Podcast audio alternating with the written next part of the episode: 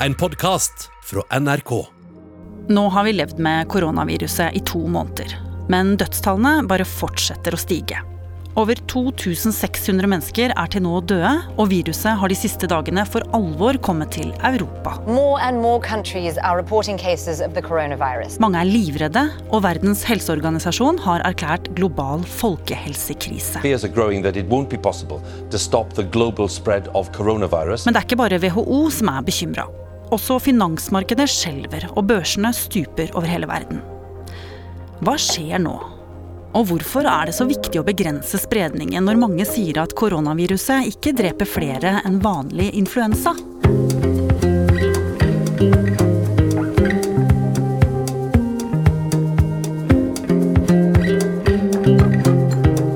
Du hører på Oppdatert.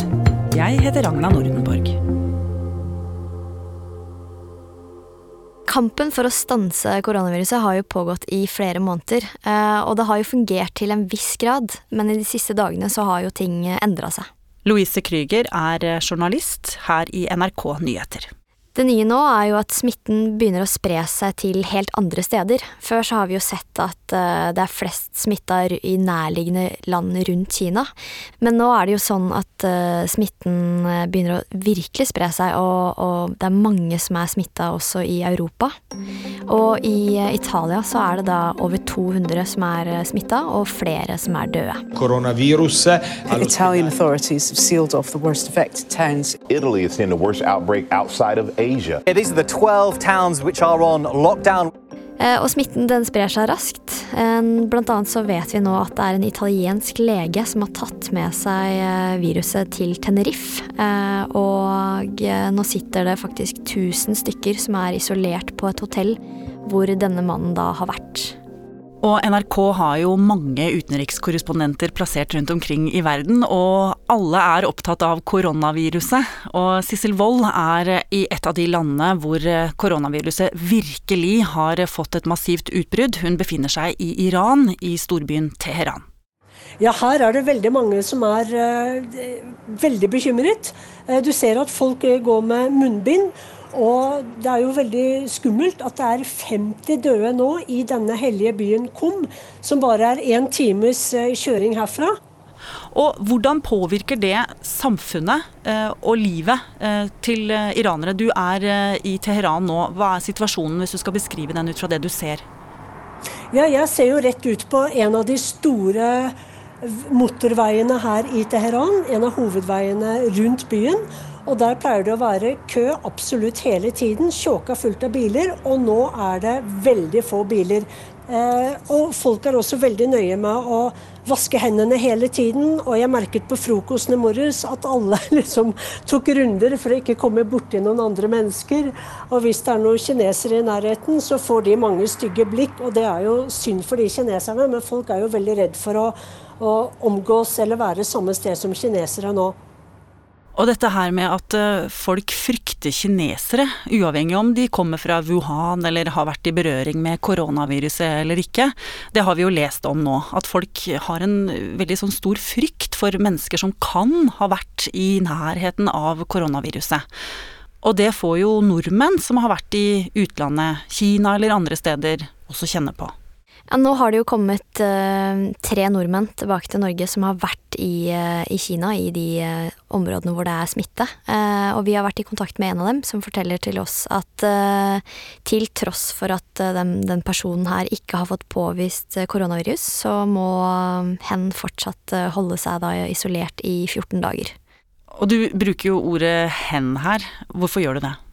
Det er fordi at eh, de tre som har kommet til Norge nå, de ønsker å være anonyme. Eh, Det er fordi det er mye stigmatisering knytta til, eh, til dette viruset, og, og mye frykt. Og personen forteller jo at uh, hen er redd for å ikke få jobb etter dette her, hvis, uh, hvis man går ut av med navn. Og dette skjer jo rundt omkring i verden. Det er rasisme, det er frykt. Folk med asiatisk eh, etnisitet forteller at de blir eh, ropt etter på T-banen. Eh, I, USA så var det annet en dame som fortalte at hun hadde blitt kalt eh, 'disease bitch'. Og i Ukraina så var det busser da med evakuerte fra Wuhan som ble angrepet. Folk stormet regelrett disse bussene fordi, eh, fordi de var så sinte på at nå kunne kanskje viruset også komme til Ukraina. Hva skyldes alt dette raseriet og denne hetsen, tror du? Nei, Problemet nå er at det er veldig mye feilinformasjon, eh, og, og, det er mye frykt. Folk er livredde for å, for å, få dette viruset, og for at det skal komme til steder som er nærme dem. Eh, og det tenker jeg at eh, lett kan dessverre føre til rasisme og fremmedfiendtlighet.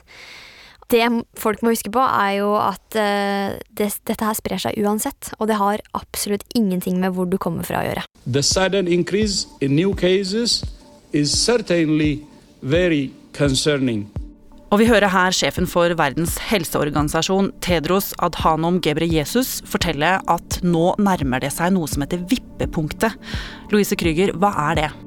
Nei, Det er jo et vippepunkt eh, hvor da man rett og slett ikke klarer å begrense spredningen uh, lenger. Eh, at mulighetene for det bare innsnevres. Så, så, han mener jo da at utbruddet nå kan gå i hvilken som helst retning, og at vi må forberede oss på alt. This is a time for all countries, communities, families, and individuals to focus on preparing. Hvis du ser på hvor mange som har dødd, så er ikke egentlig koronaviruset noe særlig farligere enn vanlig influensa. Gunnveig Grødeland er forsker ved Institutt for klinisk medisin ved Universitetet i Oslo. Hvert år i Norge så dør det opptil 600 personer av vanlig sesonginfluensa.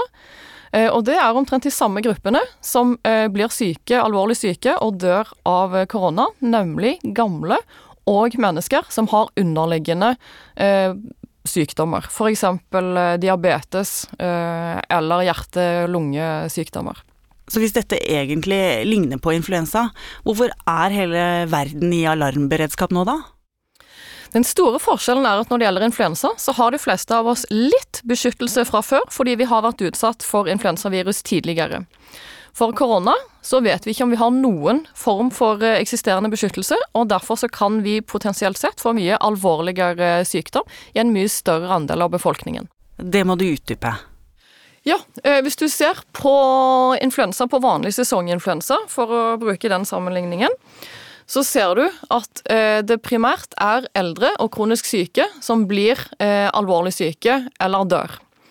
Eh, det samme er egentlig tilfellet for korona, men ved korona så har vi nå òg sett at det er friske, unge mennesker som både har blitt alvorlig syke og faktisk dødd. Da er problemet ikke nødvendigvis eh, viruset i seg selv, men når du er ung og frisk, så kan òg immunsystemet ditt danne veldig kraftige responser. Disse responsene kan bli så kraftige at de faktisk ødelegger eh, cellene dine. Og det som da forårsaker problemet, er altså ikke eh, selve viruset. Dette skjedde òg i 2009 under svineinfluensapandemien, og det ser ut til å være en veldig lik mekanisme nå i unge som eh, smittes av korona. Og dette er det verden og Verdens helseorganisasjon er redd for. Det er dette man er redd for. Man vet jo ikke i hvilken grad befolkningen faktisk er beskytta fra immunitet de har fra før, og dermed så er det et potensielt problem. Men Gunnveig, da høres det egentlig ganske farlig ut, da. Er det det? Uh, ja og nei. Vi må tilbake til at eh, det er faktisk bare rundt 2% av de som har blitt smitta, som har eh, dødd. Så her snakker vi om en potensiell risiko. Mm -hmm. Men vi vet egentlig veldig lite om dette viruset ennå. Vi vet lite om hvordan det vil utvikle seg. Og derfor så har man satt i gang alle disse tiltakene som vi leser om fra hele verden, med isolasjoner og lignende. In the capital, Seoul, preventive measures are being taken. Special medical centres have been set up. Iraq has now banned travellers from seven countries. With at least seven major cities under a travel ban, leaving more than 20 million people going nowhere. Vi har jo lest hvordan byer i Kina har blitt uh, lukket og låst. Ingen har fått komme inn, ingen har fått komme ut. Flyvinger har blitt avlyst, eh, og vi ser nå hvordan Italia forbereder seg, og hvordan da andre land uh, lager beredskapsplaner. Men det har jo spredd seg veldig de siste dagene. Er da aksjonen Stopp koronaviruset mislykka? Nei, jeg syns den faktisk har vært veldig vellykka. Man har kjøpt seg tid, eh, og det er eh, veldig viktig eh, i seg selv. Men igjen, det å stoppe et faktisk virus er tilnærmet umulig, og spesielt når det som her viser seg at det òg ser ut til å kunne smitte fra individer som tror de er friske, har ingen symptomer, men som likevel er bærere og kan smitte andre da står du overfor en nesten håpløs eh, oppgave å klare å stoppe det. Mm. Og det er det som har skjedd i Italia nå, at de, de skjønner ikke helt uh, hvor smitten kommer fra hos de personene som uh, har koronaviruset. Det kan se sånn ut nå, ja. Så helsemyndigheter over hele verden forbereder seg nå på at koronaviruset kommer. Og det er en viss usikkerhet når det gjelder da å vite helt sikkert hvordan viruset kommer til å slå ut. Men koronaviruset har også fått store økonomiske ringvirkninger. Det har vært eh, kraftige kursvalg på de asiatiske børsene i natt og i morgentimene.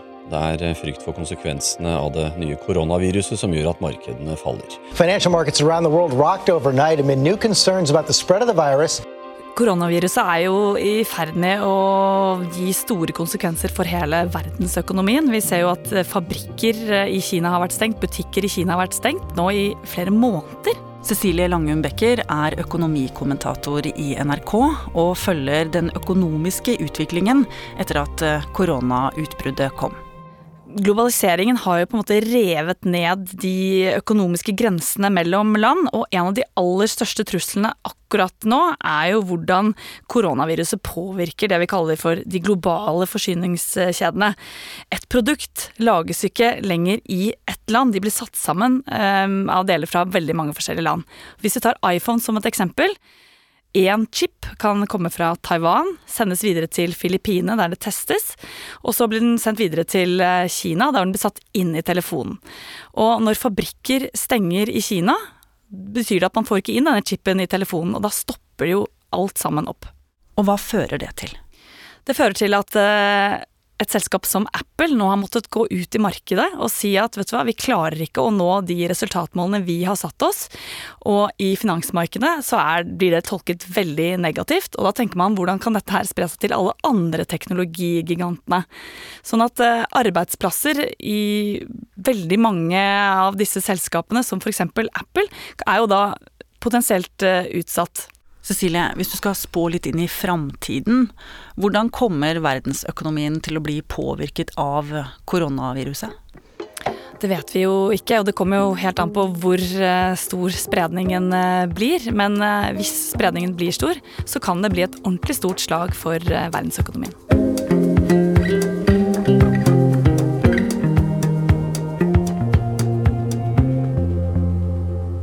Oppdatert er en podkast fra NRK Nyheter. Og hvis du ikke vil gå glipp av neste episode, så kan du abonnere i appen NRK Radio, i podkastappen på iPhone, i Spotify eller på Acast. Bare for å nevne noen steder. Bare søk opp Oppdatert, så finner du oss. Denne episoden var laget av Ida Tune Øritsland, Rikard Sveen, Petter Sommer og meg, Ragna Nordenborg. Vil du kontakte oss, gjør det på oppdatert krøllalfa nrk.no.